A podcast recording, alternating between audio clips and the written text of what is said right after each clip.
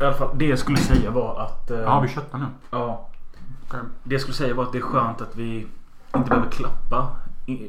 Inte för att det är så jävla jobbigt, men vi Nej. slipper det. Eh, och vad jag menar med det, det är för att Jonas sitter mitt emot mig och han tänkte öppna denna podd med att öppna en öl. Yes. Skål.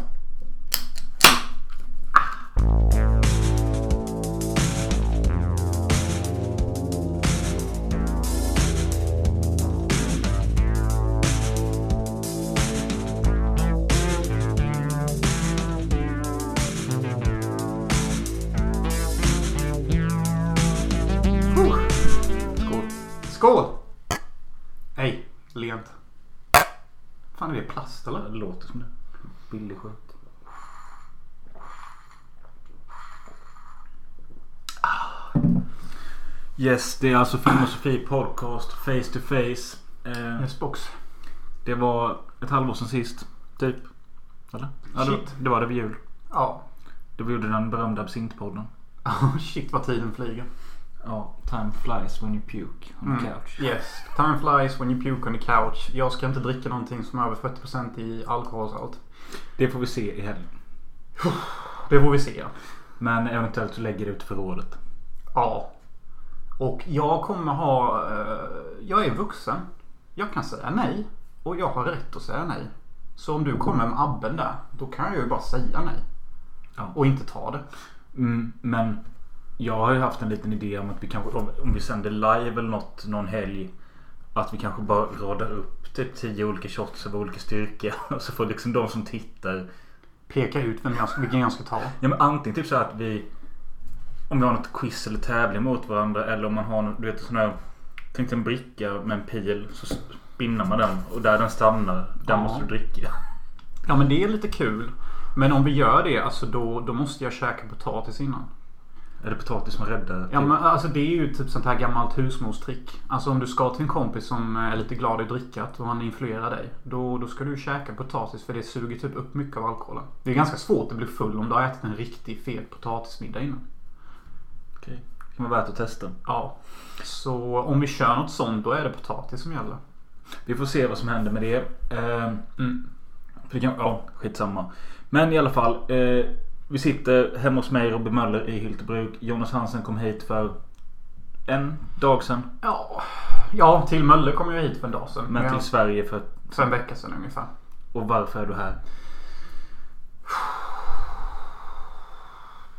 På grund av att min, eh, min plan att eh, get rich or die trying failade i Det- USA. The American Dream. Ja, jag, jag jagade den amerikanska drömmen en andra gång. Och det failade stenhårt. Vad liksom... Eh, vad hände med... Eh, Bite the Bullet? Är Day of the... Day of the Women har jag landat på. Jag tycker det är mycket mer... eh, Det är en coolare titel och det är en lättare titel att sälja. Bite the Bullet låter som en Showtime B-film typ. Medan Day of the Women faktiskt låter som en riktig film. Mm. Gjord av någon som är någonting.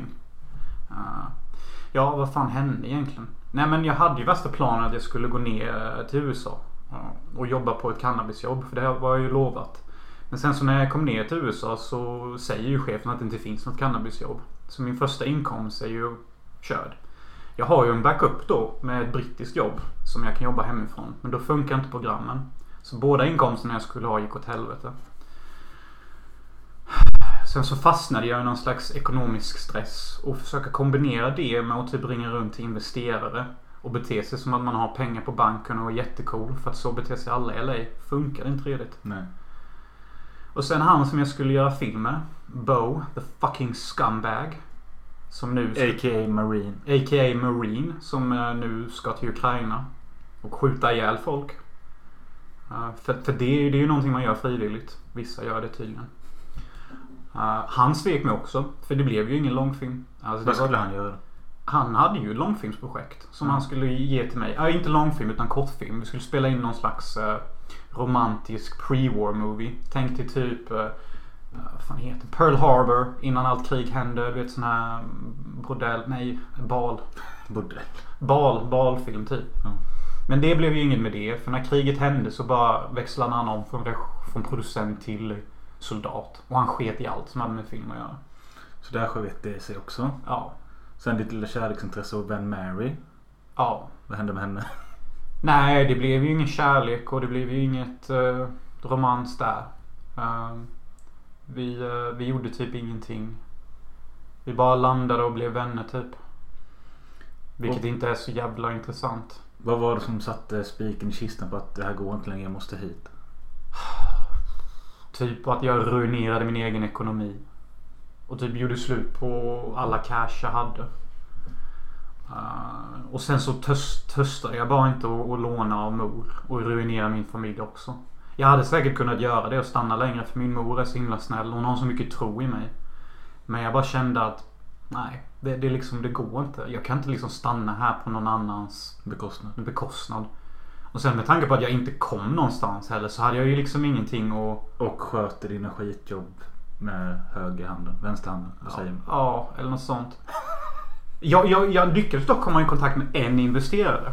En Instagram-investerare. Brad Lee heter han. Ni kanske ser han.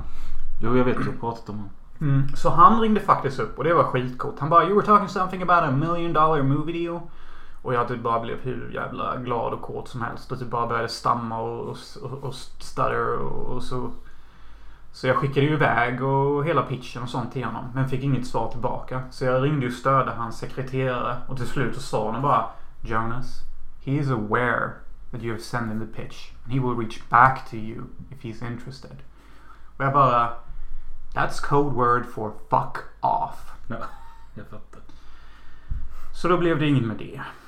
Och sen så alla investerare och alla producentbolag jag ringde. Jag ringde säkert till alla som finns. Säg något, you name it. Jag ringde dem och pitchade. Mm. Inget ring tillbaka, ingenting.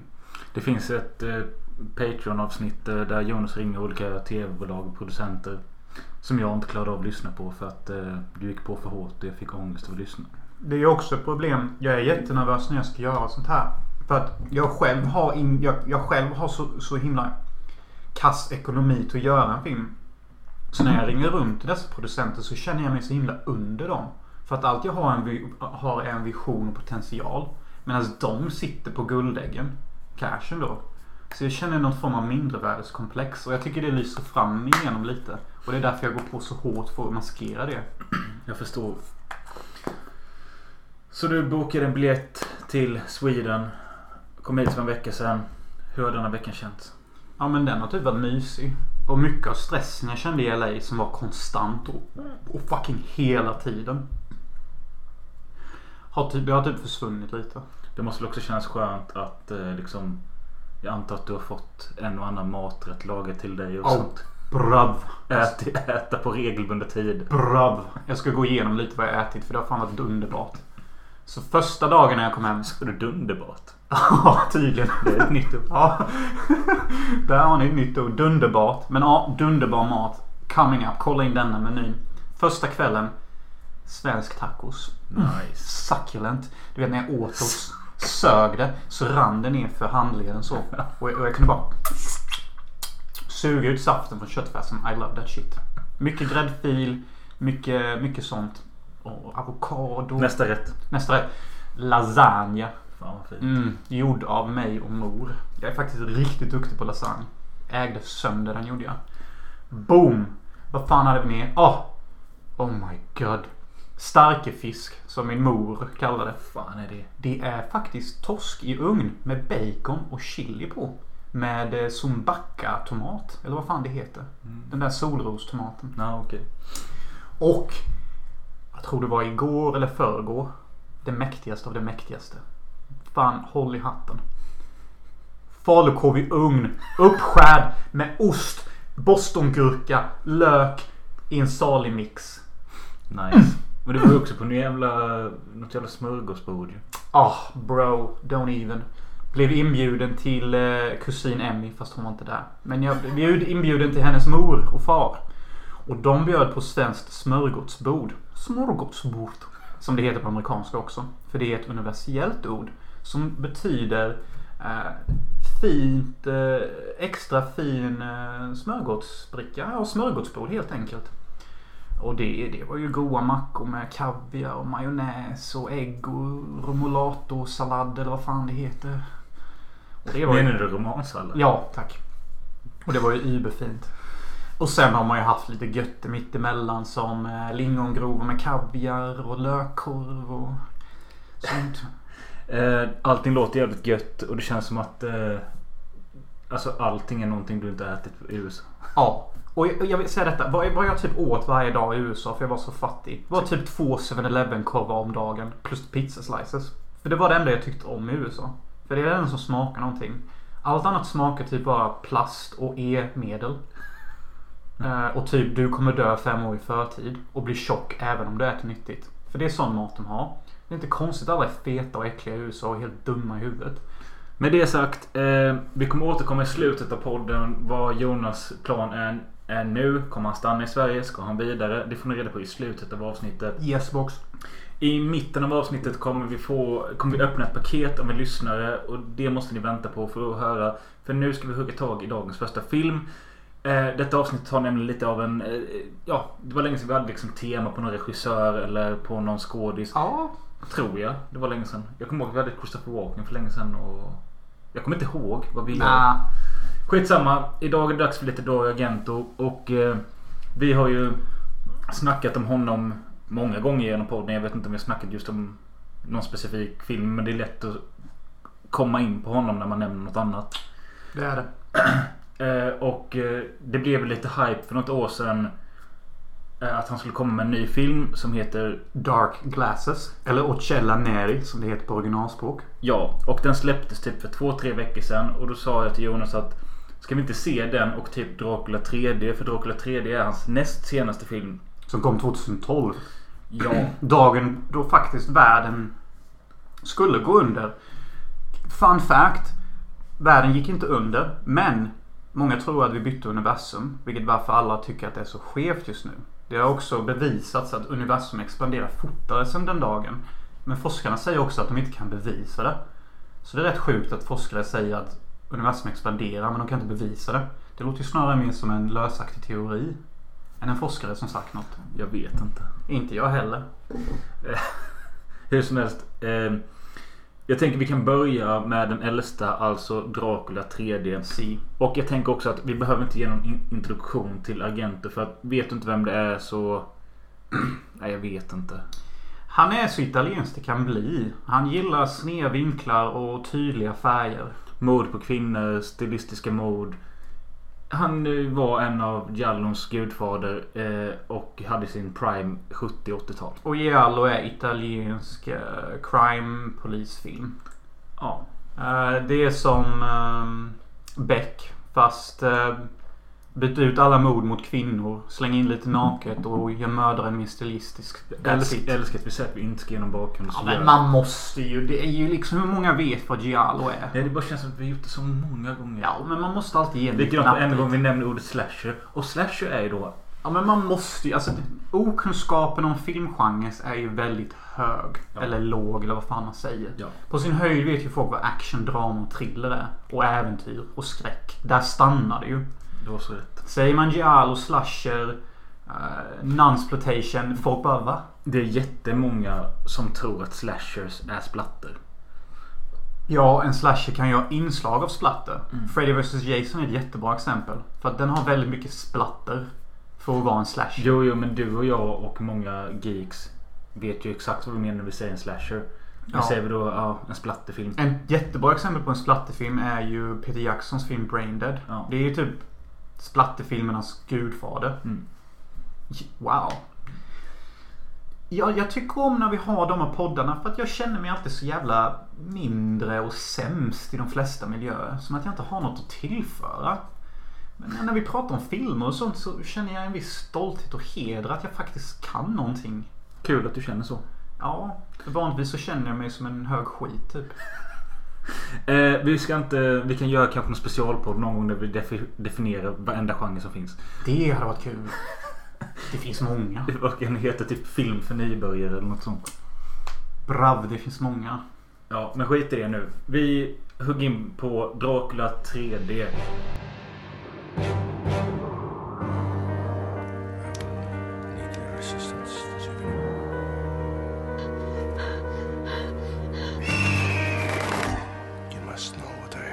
Nosferatu. Lena! Thank you. How was your trip? I am Count Dracula.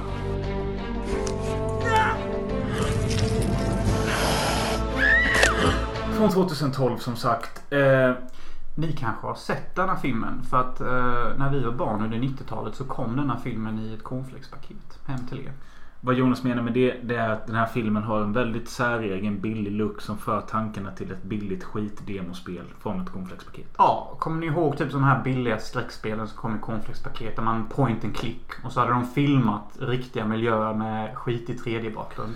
Ja. Det var jättepopulärt förr. Eh, kolla på program som Kannan exempelvis. Det hette det va? Ja, SVTs barnprogram. Ja, och vissa scener ur Mysteriet på Greveholm kör också denna stilen. Mm. Det var någonting som kom där, där typ folk bara tänkte att det här är coolt. Nu, nu, jag bara kommer fick en flashback här nu till eh, ett, ett spel jag köpte i hemglassbilen tror jag det var. Eh, Mölle Meck. Nej, Jönssonligan, Jakten på Mjölner. Tror jag det hette. Wow.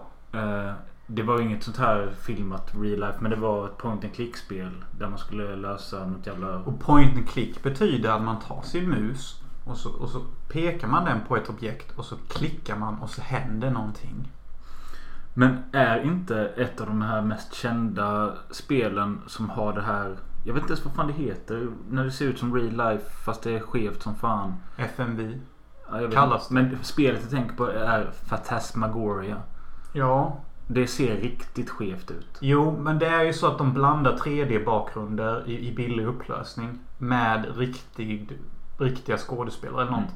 Det finns ju vissa First Person Shooter-spel som också hade detta under de första Doom och sånt som kom.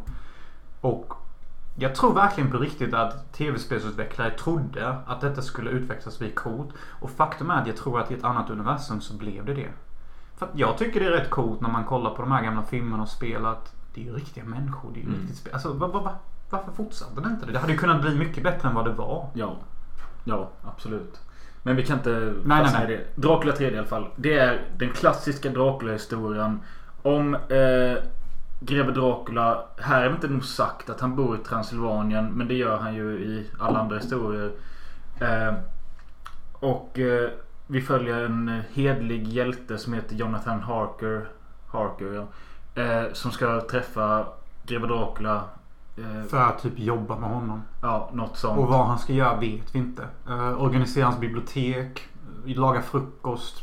We don't fucking know. Det sägs inte. Nej, jag tror inte det sägs. Och sen har vi, det finns flera. Jonas sa det till mig att eh, För jag sa att han är också en sån klassisk karaktär ur Dracula-historien. Och då frågade Jonas om jag har sett många Dracula-historier.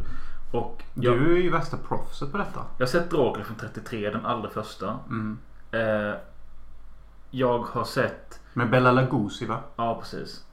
Eh, och jag har sett eh, någon sån här Dracula 2001 eller vad fan de heter. De har nog inte den här klassiska historien. Och sen har jag sett Nosferatu från 22 som är exakt samma historia fast ändå inte. Ja. Eh, och Nosferatu, Werner Herzogs. Som är rätt shit. Alltså den är inte the shit utan den är shit. Herzogs? Herzogs Nosferatu är shit. Nej, den är bra. Den har två coola scener. Och de två coola scenerna är när vår huvudperson går jämte ett vattenfall. Handfilmad med Herzogs perfekta skak han alltid har när han filmar handhållet. Med god musik. Ja, men den har mer. Alltså, den är stämningsfull som fan. Klaus Kinski är äcklig. Isabella Gianni är vacker. Den är bra. Yes. But It's pretty shit. Men en av de, alltså där jag lärde mig själva Dracula-historien och vilka som är eh, key characters och hur historien ska gå från början till slut. Det är ju via parodifilmen Det våras för Dracula av Mel Brooks. För den såg jag jättemycket som barn. Jag hade den på DVD, var en av mina första DVDer. Och det är som parodi på den här historien. Men Mm. den följde alltid punkt och pricka. Bara det att, ja, det var typ där jag lärde mig att Ja men Draculas undersåte heter Renfield och han är även med i eh, Argentos. Och han är underbart patetisk. Ja. Eh, och så har vi då en kvinna som alltid heter Lucy. Här är hon ett eh, en blond tjej med gigantiska tuttar och vacker sådan. Oh ja, alltså Dario och nästan alla italienska regissörer vet ju hur en vacker kvinna ser ut. Och de skäms inte för det. Bara det att jag sa fel nu för att karaktären Lucy i den här filmen är Asia Argentos karaktär. Just det, just det. Men vi har en italiensk kvinna som är smutsig blondin. Jättevacker. Pretty good fucking actress. Och eh, hon visar sina tuttar. Mm. Men bara typ en gång. Man får intryck när man ser trailern med denna filmen att det är en djupporrsfilm. Vilket inte är. Men Argento har då castat sin dotter Aisha Argento i den här Lucy-rollen. Och... Eh, alltså det är jävligt rörigt. För det finns också en kvinna som heter Mina, tror jag det var. Eh, som ser exakt likadan ut som Aisha. Mm. Och Mina är gift med... Eller är tillsammans med den här Jonathan Harker. Och Lucy, alltså Aisha Argento, hon är typ kär i honom eller något. Jag hängde inte med på detta. Fatt- Så här är så här är så här är så här. Detta är inte en film ni kommer se, ni lyssnare. Kanske en, särskild flock av lyssnare vi har kommer se den. Någon kanske har sett den. Ja, någon kanske har sett den. Men alltså detta är en riktigt risig italiensk skitfilm. Och, och jag, jag tycker egentligen bara synd om alla som var med i filmen. Ja, mest produktionsavdelningen. För att precis som vi diskuterade igår. Dargento har gjort typ sju riktiga mästerverk. Spiria, Deep Red. Ja, Ja. Tenebre. Ja. Fem, Fenomena. Ja. Jätte- så- och Du sa ju typ så här, undrar vad, vad de kände som var med i denna filmen. Att typ, åh jag ska jobba med Argento. Han har gjort Suspiria, Ja. Deep Red. Och så ser de vad han håller på att göra i denna. Jag, jag, tänk, jag tänker så här. Tänk de som har pluggat lite film och sånt. Gått ut något filmgymnasium och eh, ser att folk söker, fo- de söker folk till en ny Dario Argento-film. Och de här filmnördskidsen. De som har sett alla de här filmerna vi nyss nämnde, Suspiria och så vidare. De blir astaggade på och vi kan få chansen att jobba med Argento. Så får de jobbet att jobba där som Ja. fan B-foto Ja, eller och så har de Rutger Hauer. Där, Asiatia Argento är där. Men alltså det är ju ren torsk denna filmen. Jag satte ändå 2,5 av 5. Men vad fan, jag har ju aldrig höga krav på mina filmer. Och jag tycker om varje jävla film jag ser. Det är ju egentligen en etta för fan. Det Eh. finns typ tre coola scener. En knullscen. Sen finns det en scen där typ Dracula mördar fem personer samtidigt. Riktigt häftigt. Sen har vi den legendariska gräshoppescenen. När Dracula förvandlar sig till en jättestor gräshoppa. Gjord i något effektprogram från 2002. Ja, precis. Och, Eh. och det är typ så här. Alltså jag... Hur fan kommer Argento på det? Nej men alltså man får ganska... De första 10 minuterna. Först får du ju liksom förtexter från helvetet har jag skrivit. Eh, kanske lite eh, överdrivet men det är liksom förtexter till... Ja, som du sa något riktigt Det ser ju ut som förtexter till Mysteriet på Greveholm. Typ vi har precis upptäckt 3D-effekter. Pump it up. Det nämnde vi också när vi pratade om kronjuvelerna med Joakim. Att det var lite den stämningen där med. Men det här ser ju ännu billigare och sämre ut. Ja. Ja, alltså egentligen är detta inte en film för någon. Jag läste dock en kul kommentar på YouTube. Att det var en kille som hade varit och se denna på Cannes filmfestival. Mm.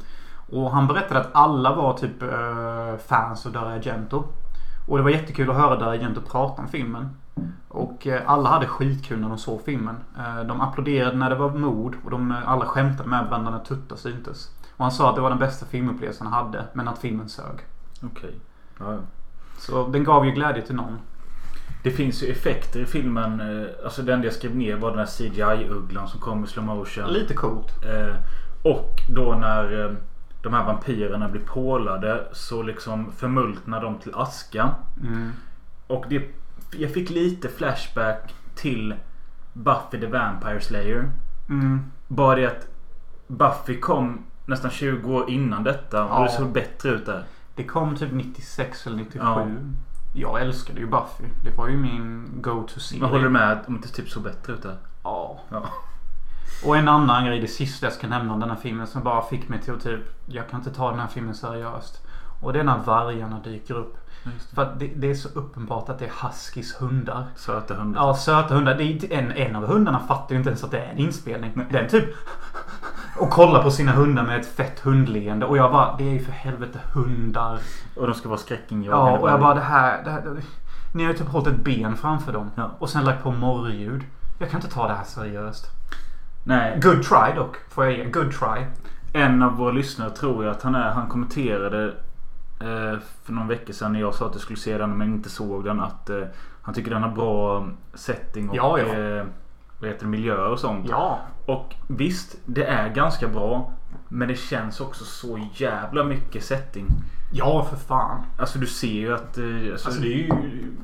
Man blir ju för fan blind. Det är som att vi bygger upp någonting på en teaterscen och filmar. Ja, ja, ja, ja. Alltså. Och istället då för att använda rökmaskin så lägger vi till digital rök. Ja, alltså. Typ, som ser ut som ett Snapchat-filterfunktion. Att jag kan trycka på rök där. Ja, alltså, som en annan kommentar jag läste.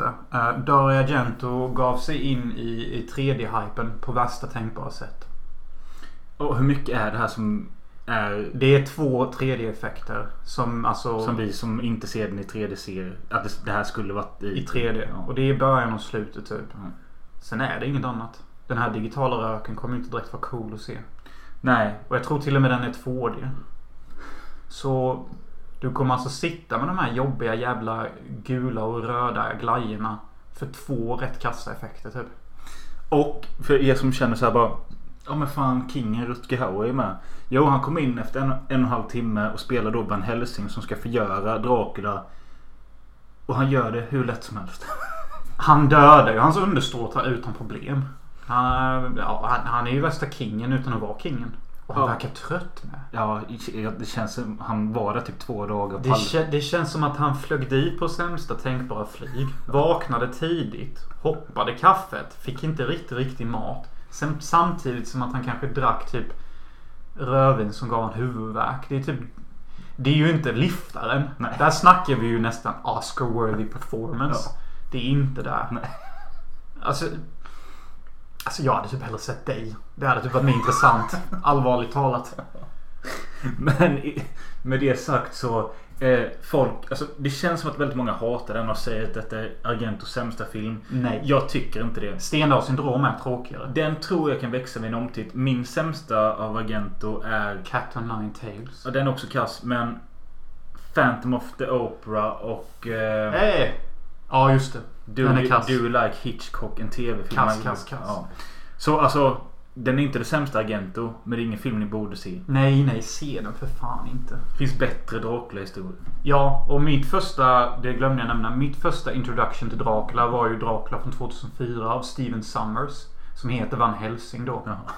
Eh, Med Hugh Jackman som var i sin sexiness prime back then. Och vi hade ju också Kate Beckinsale som också var i sin sexiness prime. Av någon jävla anledning vann hon Razzia för den rollen. Jag har aldrig förstått Razzie. det. Razzie. Jag har aldrig förstått det. Det är hennes bästa roll. Ja, jag har nog bara scrollat igenom den någon gång. Mm. Den... Eh, man får nästan vara barn för att gilla den. Det kan jag tänka mig. Eh, men... Vill man vara en kompletist av, av Argento, då kan man ju lätt se den. Ja, den är ju inte tråkig tyckte jag. Jag Eller tyckte om- den var rätt mysig. Ja, men det glömde jag ju säga igår efter vi såg klart filmen att... Eh, hade jag suttit själv och kollat på den att vi skulle... Vi säger att du bodde kvar i Los Angeles nu. Mm. Då hade jag behövt se den i två, tre omgångar. Tror samma här. Det som gjorde det roligt var ju att jag drack rätt mycket öl. Och Ja. kom med ganska många kommentarer hela tiden. Det gjorde ju hela upplevelsen roligare typ. Ja. Och den har, hade bättre tempo i början än vad den hade sen. Mm. Och som jag också har läst många kommentarer. Folk säger samma sak. Typ att se den med någon annan och drick lite bärs. Annars är det typ not fun. Ja. Det, det, det var Dracula 3D. Och den förtjänar inte så här mycket prat som den fått. Jag vet inte hur länge sedan det var vi eh, sa någonting om Patreon. Men vi finns ju fortfarande kvar där på patreon.com filmosofi. Yes. Eh, man kan donera valfri summa mellan 10 kronor upp till vad fan som helst. 10 kronor är det minsta nu. För nu är det i svenska kronor. Innan var det i dollars. Mm. Eh, vi fick en ny Patreon för någon vecka sedan. Två veckor sedan. Tack som fan! En eh, kompis till mig som heter Amanda och hon eh, Hon brukar lyssna på oss medan hon står och gör mackor och eh, bakelser på ett eh, fik i Torup. Det är fiket. Ja, Jag vet det fiket. ja Brännebagen. Ja, för att Ja. jag brukade köra... Uh, uh, hur ska jag säga detta utan att förolämpa folk? Jag brukade köra dit gamlingar jag tog hand om. I hemtjänsten. Okej, Det kan Så, säkert så stämma. plockade de upp bakelser. Så satt jag i bilen och väntade. Ja. Nej men i alla fall hon jobbar där så hon sagt att hon brukar lyssna medan hon står där och grejar och så brukar hon skratta högt ibland för att hon tycker att vi är roliga. Och då brukar de andra hon jobbar med undra vad fan hon lyssnar på. Yeah! Eh, och det tyckte jag var lite kul. Och så... Eh, Fan. Är inte det rätt sjukt? Vi påverkar en människas liv. I ett bageri. Det är kul. Eh, nej men så sa hon det att. Eh, jag kommer inte ihåg vad, vad det var som gjorde att hon fick. Eh, heter det? Inte fingret i röven. jo det kan vi väl säga. Nej men för att eh, bli Patreon. Eh, för jag sa att du går in där och gör så. Eh, också bara helt oväntat så donerade hon 90 kronor. Nice. Och Tack. Eh, det, så sa hon det. Ja men det var för att det står ju på er Patreon att eh, donerar man 90 kronor då får man en signerad DVD av filmen Själanöd. Yes. Och då fick jag lite så här panik. Jag bara eh, Jag trodde jag hade tagit bort det. Men som sa ja men det var därför jag gjorde det. Och då känner jag så här att Men det kan vi ordna. Ja vi måste ju typ ordna det. Ja, ja, alltså. Lyssnar du nu så ska jag bara säga så här. Vi kommer kunna ordna det. Men det kanske tar två veckor från det att du lyssnar på det nu. För att jag måste gräva fram lite gamla DVD-filer. Hittar jag inte det så måste jag göra en piratkopia på en DVD jag redan har. Eller göra en ny. Filmen har vi. Det är omslaget som ska fixas och pennor som man kan skriva på omslaget med. Ja, har vi de gamla pdf-filerna på omslaget? Vet inte, det får vi kolla upp. Ja. Eh, men Amanda, du ska få det. Annars kanske jag har en gammal Själarna DVD du bara kan få. Och är det någon annan Patreon som har donerat samma summa och inte fått det så får ni höra av er så får vi försöka lösa det också. Jag vet hur vi kan göra. Vi kan ju bara ta ut ett gammalt omslag och scanna in det och så får man ju en pdf på det. Sen så trycker man ut det i DVD-omslag. Alternativet är också att sätta sig och bara göra ett helt nytt snyggare omslag.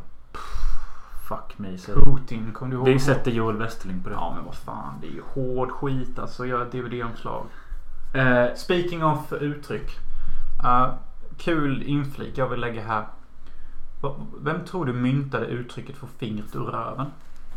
Var det någon som satt verkligen med fingret ur röven? Eller var det någonting man gjorde mycket för? fingrade sig i röven. Ja men alltså på riktigt. Alltså vem sa det och det bara catched on? Nej, jag vet inte. Har ni lyssnare någon info om detta så kontakta oss. Ja, för jag kan ju köpa uttryck som nu är det kokta fläsket stekt. För man kokte ju mycket kött förr. Mm. Och stektar man det också, då är det ju overkill. Och det är ju exakt vad uttrycket betyder. Ja. Eh, mer om uttryck någon annan gång. Mm. Det jag skulle säga var om Patreon också. Det är att eh, vill man bli det som sagt så går man in på patreon.com slash filmosofi och Si. nästa grej ni kommer få där är Jonas första intryck av Naked Attraction. Mm. Sverige, den svenska versionen. Eh, Jonas har inte sett det överhuvudtaget. Nej. Han visste inte vad det var igår och jag blev, jag blev förvånad. Eh, så vi ska se det och reagera på det. Så det får ni Patreons nu nästa gång. Eh, Och, Ja, kör. och ni som är Patreon, det finns ju ett guldavsnitt där vi går igenom våra, hur vi förlorade oskulden. Och det tycker jag är guldklimpen av att bli Patreon. För det är fucking honesty. Dirty. Och det är dirty. It's, it's dirty baby. Asian asses and shit. Asian asses and STDs, brabe. Brabe. Asian asses and STD. Och vill man då inte bli Patreon men känner bara att fan de har ändå ett gött hugg och de förtjänar mer. För det, det stör mig på ibland när folk skriver att ah, ni förtjänar fler lyssnare. Ja men hjälp oss då. Sprid oss till era vänner. Dela ett avsnitt på eran Instagram story eller vad fan som helst. Och bara lyssna in de här grabbarna. De snackar om eh, kuk och Dracula. Ja, men jag måste också säga att jag fattar varför ni inte redigt gör det. För vi Ja. lever i ett PK-land och jag har inget filter. Och jag bryr mig inte om vem jag förolämpar. Vilket de flesta svenskar gör. En person som är Patreon och har varit en trogen lyssnare i många år. Han heter Mattias Indiegrinder Pettersson. Eh, eller Indiegrinder heter han på Instagram. Eh, Han gillar grinda och han gillar indiefilmer. Därav indie grinder. Kanske. Jag vet faktiskt inte vad Inte det jag heller. Eh, jag fick ett paket på posten. Vill du kanske passa på att filma detta också samtidigt? CC. Jag vill också tillägga att Indie Grinder har sett Top Gun 2 och han rekommenderar den. Och det tycker jag ni också ska men se. inte Top Gun 1. Nej men fan Top Gun 1 är också grym. Nej, men så här ser paketet alltså ut. Eh, ett ganska stort paket. Där det på sidan står Filmosofi Podcast. Där. Och på andra sidan står det Book of Doom. Mm. Som är ett slang Jonas gav mig för min buk som tycks gå åt fel håll. Eh, den växer istället för att bli mindre. Eh, och det har Indiegrinder anammat och skrivit här. Ja och du håller på att utvecklas till liksom en eh, tecknad familjefar.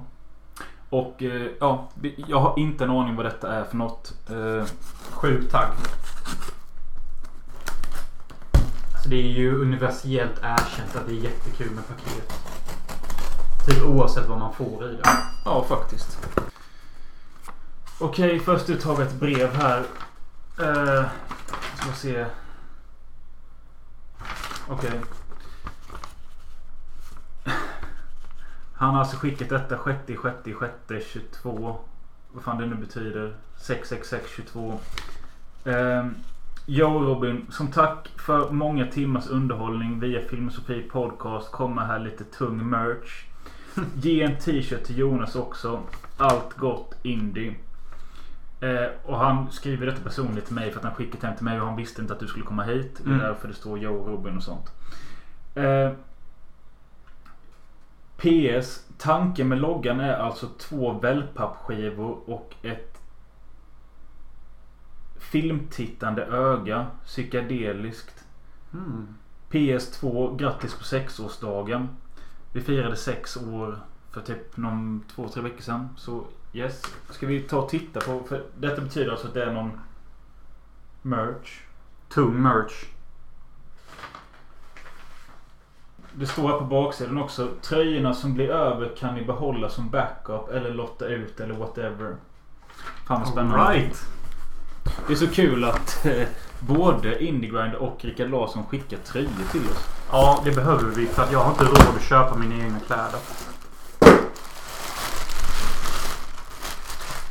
My God. Vad?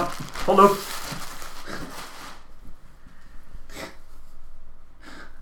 Bra.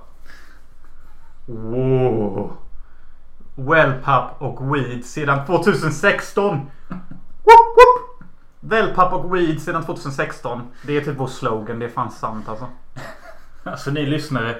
Eh, han har alltså tryckt ett eget tryck här på en t-shirt. Det står Filmosofi Podcast. Wellpapp och Weed sedan 2016. Och en logga som han antagligen har ritat själv. Det är tredje ögat. Som då ska föreställa... Vad stod det? Tanken med loggan är alltså två wellpappskivor och ett filmtittande öga. Psykedeliskt.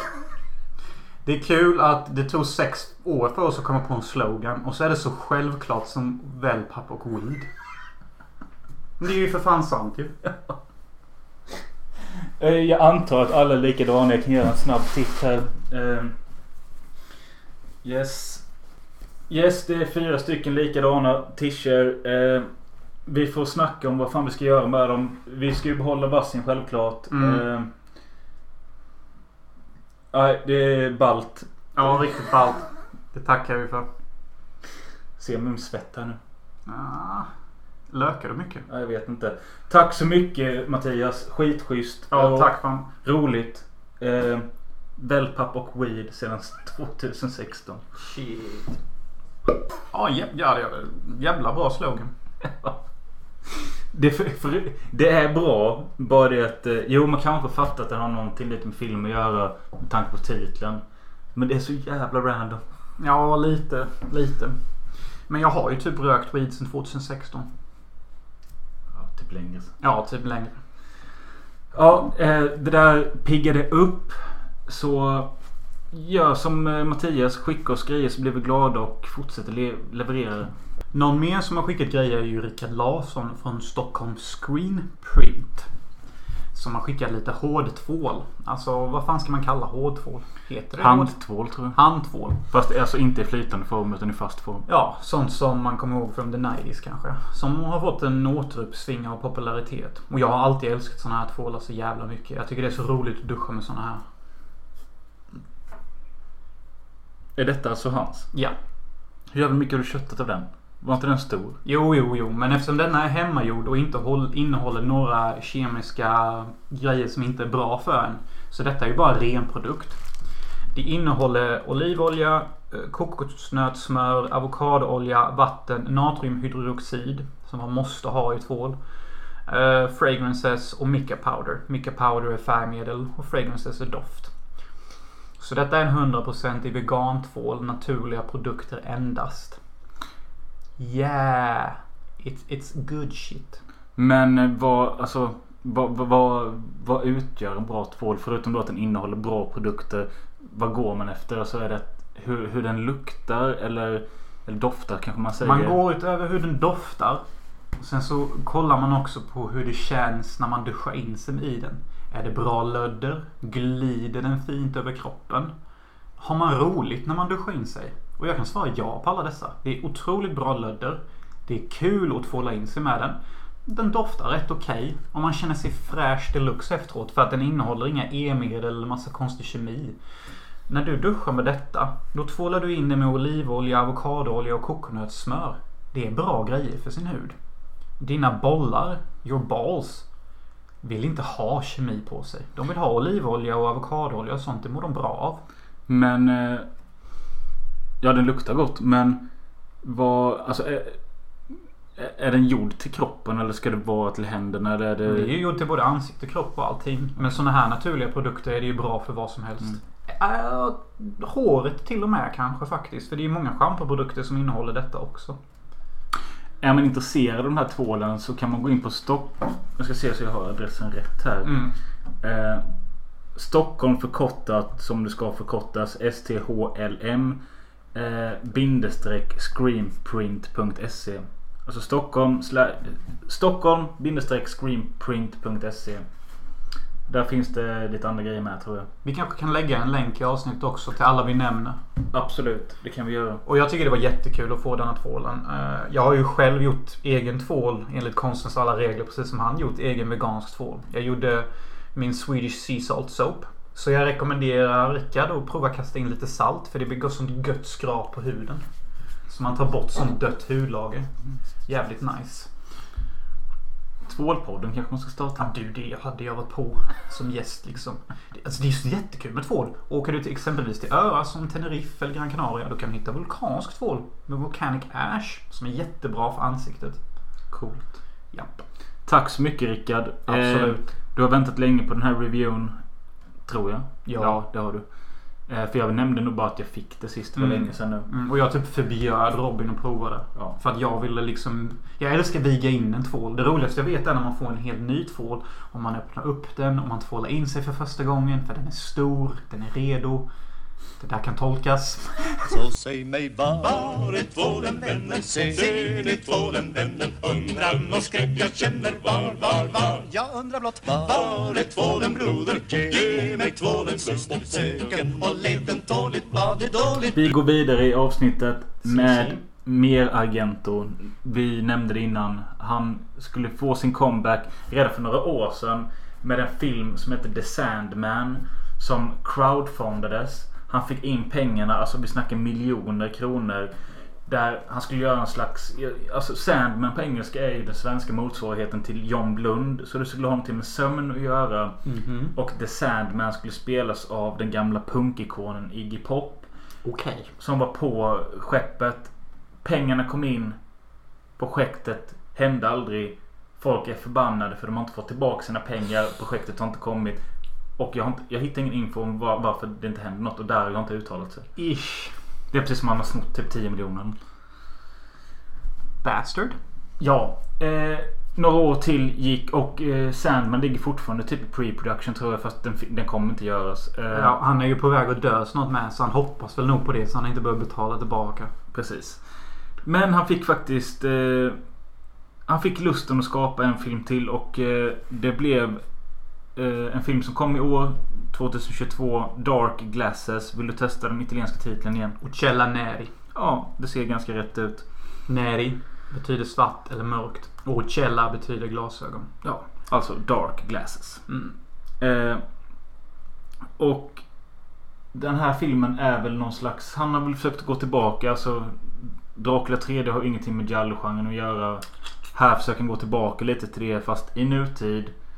Och eh, vi följer en prostituerad kvinna som... Eh, ja, för det första så det handlar också någonting, något subtilt med En solförmörkelse. ja, solförmörkelse. Som är en slags symbolik på att huvudpersonen blir blind. Ja, för hon råkar... Eller för det första, det är väl en mördare redan ute och härjar och dödar kvinnor. Ja. Och våran prostituerade huvudrollskvinna. Hon är med om en bilolycka som eventuellt skapas på grund av den här mördaren va? Ja, för mördaren liksom jagar och, och catchar henne. Och det är rätt intensivt. Alltså den här bilkraschen är cool. Alltså det ser häftigt ut. När bilen flyger och typ krossar två andra passagerare också. Ja, för hon krockar in i en annan bil där de två i framsätet, en mamma och en pappa, dör. De får ju typ hela sitt huvud överkört. Det är ju lite så här eh, Tarantino-stämning. Vad heter den filmen med bilen som suger? Death Proof. Eh, ja, det är det. Och det sitter en pojke i baksätet, typ en tioårig kille. Och det är Shutrud från Indiana Jones Temple of Doom. Förstår inte referensen. Ja men det är en liten asiatisk unge då. Han överlever och eh, den prostituerade kvinnan blir blind. Mm. Och eh, det enda hon kom ihåg det var att det var en vit van. Och hon söker upp pojken som är den enda överlevande av dem hon krockade med. Och han blir, eller hon snor väl typ honom från ett barnhem eller något. Hon blir någon slags surrogatmamma till honom. Medan han också blir hennes ledsagare för att hon är blind. Ja, så det är rätt vackert och det där hjärtat kommer in. Och jag måste också nämna en grej nu. Jag hittade inte denna filmen på engelskt tal. Och jag hittade ingen text. Så jag såg hela filmen på italienska. Du är så strange. Jag vet. Ja, men med tanke på att det är en giallo så betyder det att stil brukar vara förklara handlingen ändå för en. Och det, det har jag alltid gillat med giallo. Så att man kan nästan se vilken giallo som helst och hänga med ändå. Så jag hängde med i filmen och förstod typ vad som hände. Och jag har ju umgåtts med en del italienare eh, när jag bodde i London. Så jag kunde väl hänga med lite i svängarna vad som sades. Men vad var barnet och hon pratade om, jag har ingen fucking aning. Ja. Och jag vet inte ens riktigt hur de ens blev en grej. Det finns ju en jättevacker scen när, när den asiatiska ungen typ snor något Nintendo Wii. Och det kommer massa elaka bullies. Och jag bara tänkte. Det här är ju typ som någon slags gudfaderfilm. Alltså Argento har ju typ växt. Han är typ blivit mogen på senare år. Tog bara typ 90 år. Ja, okej men jag har ju faktiskt sett det med engelsk text. Du fann det alltså? Bra. Ja. Eh, men Det, det man kan säga om den är att det, det är en klassisk giallo. Den har alla ingredienser och den gör det bra. den har omotiverad nakenhet. Detta är första gången jag reagerar på det så jävla hårt. eh, För att, eller hårt, jag blir inte arg. Men här har vi alltså 80-årige Dario Argento som eh, klipper från en helt vanlig scen till en scen som börjar med att den här blinda kvinnan går ut naken ur en dusch bara för att få hjälp av att tvätta av sig. Ja, Eh, vadå? Ja men alltså det är ingen sån duschscen eller att hon klär av sig för att gå in. Utan jag bara reagerade på att okej hon är på väg ut ur duschen. Och eh, jag Jag, respekterar det. För jag, jag tänker så här, typ män är män. Jag tror att oavsett om man är 3 eller 90 år så är boobs the best. Ja, det kan nog vara så. Det är så det är att vara man bara. Hans dotter Aisha Argento är med i denna filmen. Och om jag har fattat rätt så får vår huvudroll en home housemaid som hjälper henne med grejer. Och jag tror att det är Aisha Argento fast med väldigt mycket makeup och... eh, Ingen fucking aning. Jag vet inte heller. Eh, Men ja, hon är blind som får lära sig lite hur, det, hur man ska vara blind och hur du ska hantera trafiken och sånt. Och där reagerade jag också på en grej att hon kommer till ett stoppställe. Eh, ni vet som man trycker stopp och så lyser det lampor och sånt. Mhm. Och där är det precis som att nej, du är inte blind, du är hjärndöd. För hon förklarar för henne bara Okej, nu är vi här med en stolpe och eh, ska man ju trycka här på en knapp. Och hon bara ja. Ja, och så hör du ljudet. Och när den piper så kan du gå. Alltså hon förklarar liksom allting man redan vet. Mm. Jag tyckte det var lite konstigt. Ja, det är ju lite skevt. Jag som såg den på italienska trodde väl hon berättade en anekdot. Så jag har ingen aning. Eh, men ja, de här. Hon försöker väl skydda den här lilla pojken och hon försöker skydda sig själv.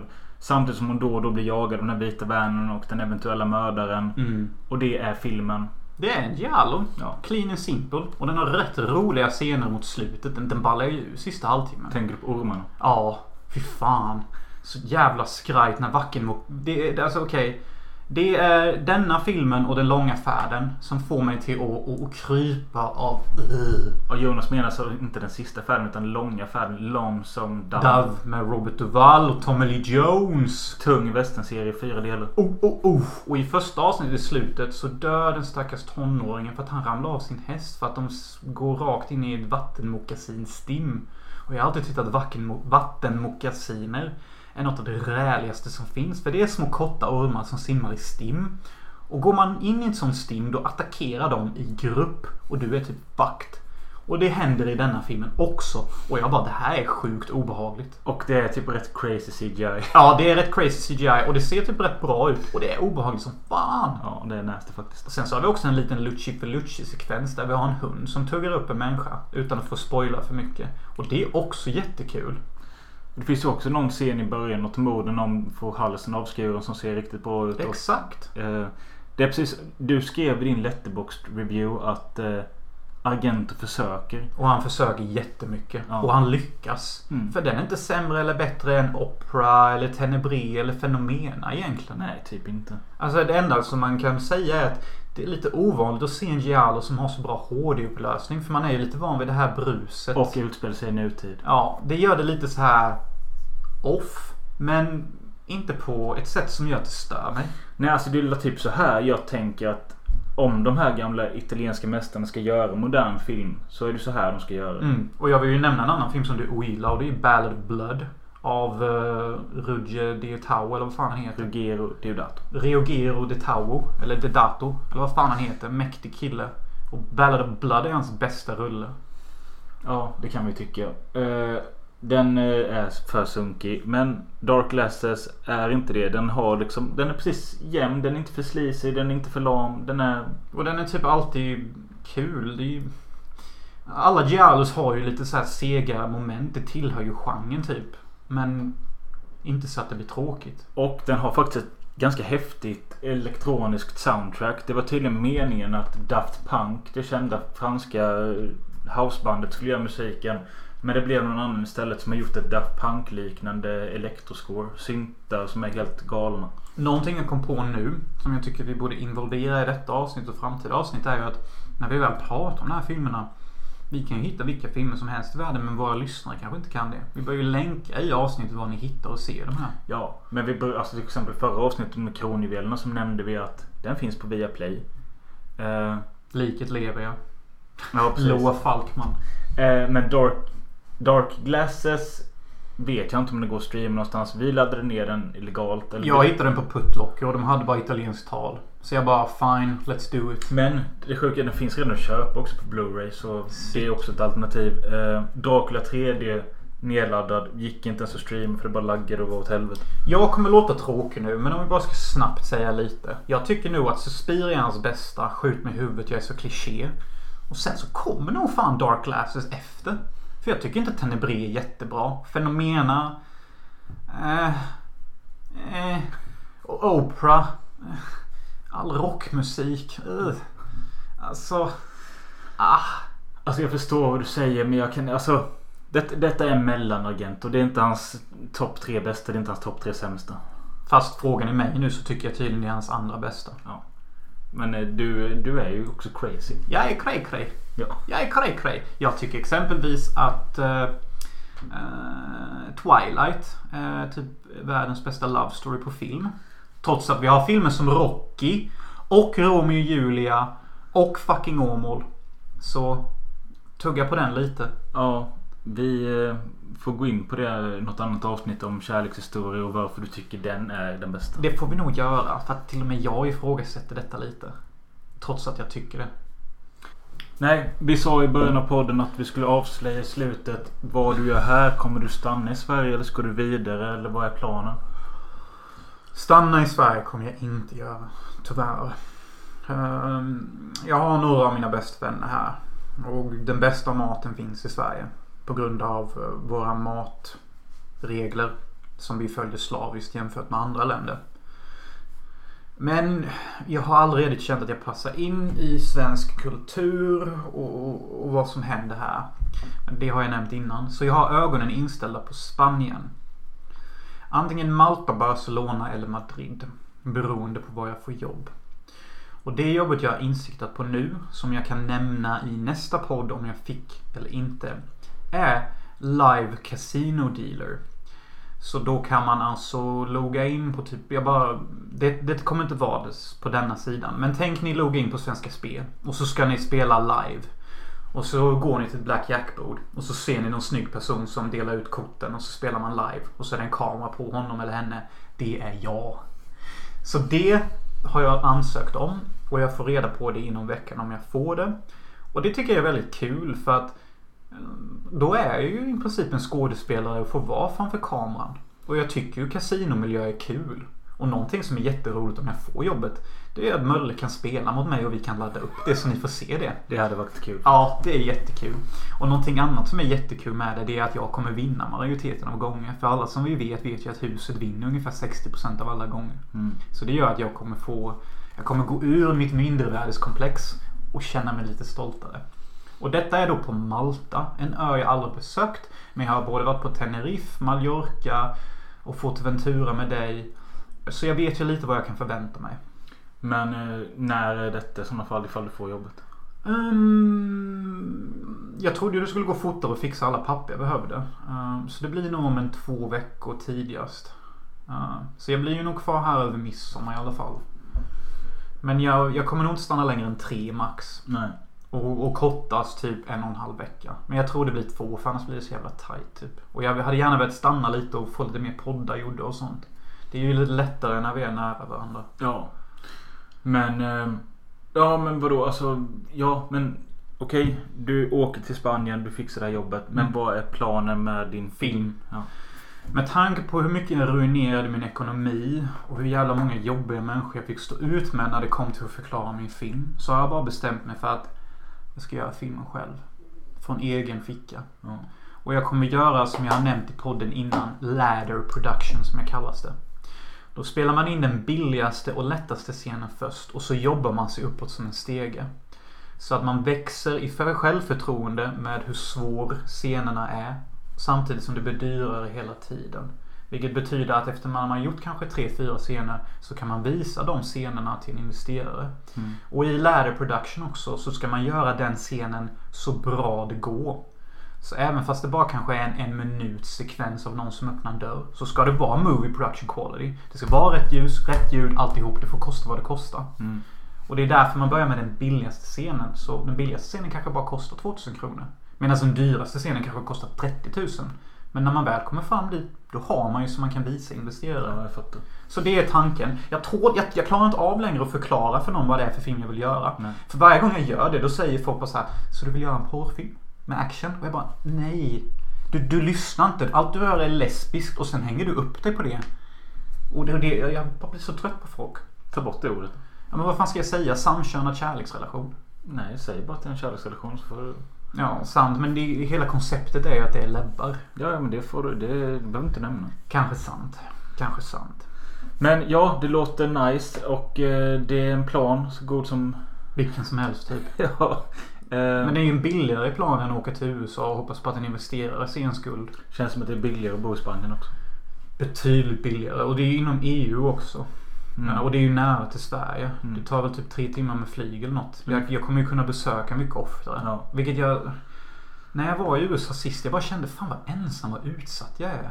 Jag hade, hade typ bara en vän. Mm. Och Ja. ingenting typ.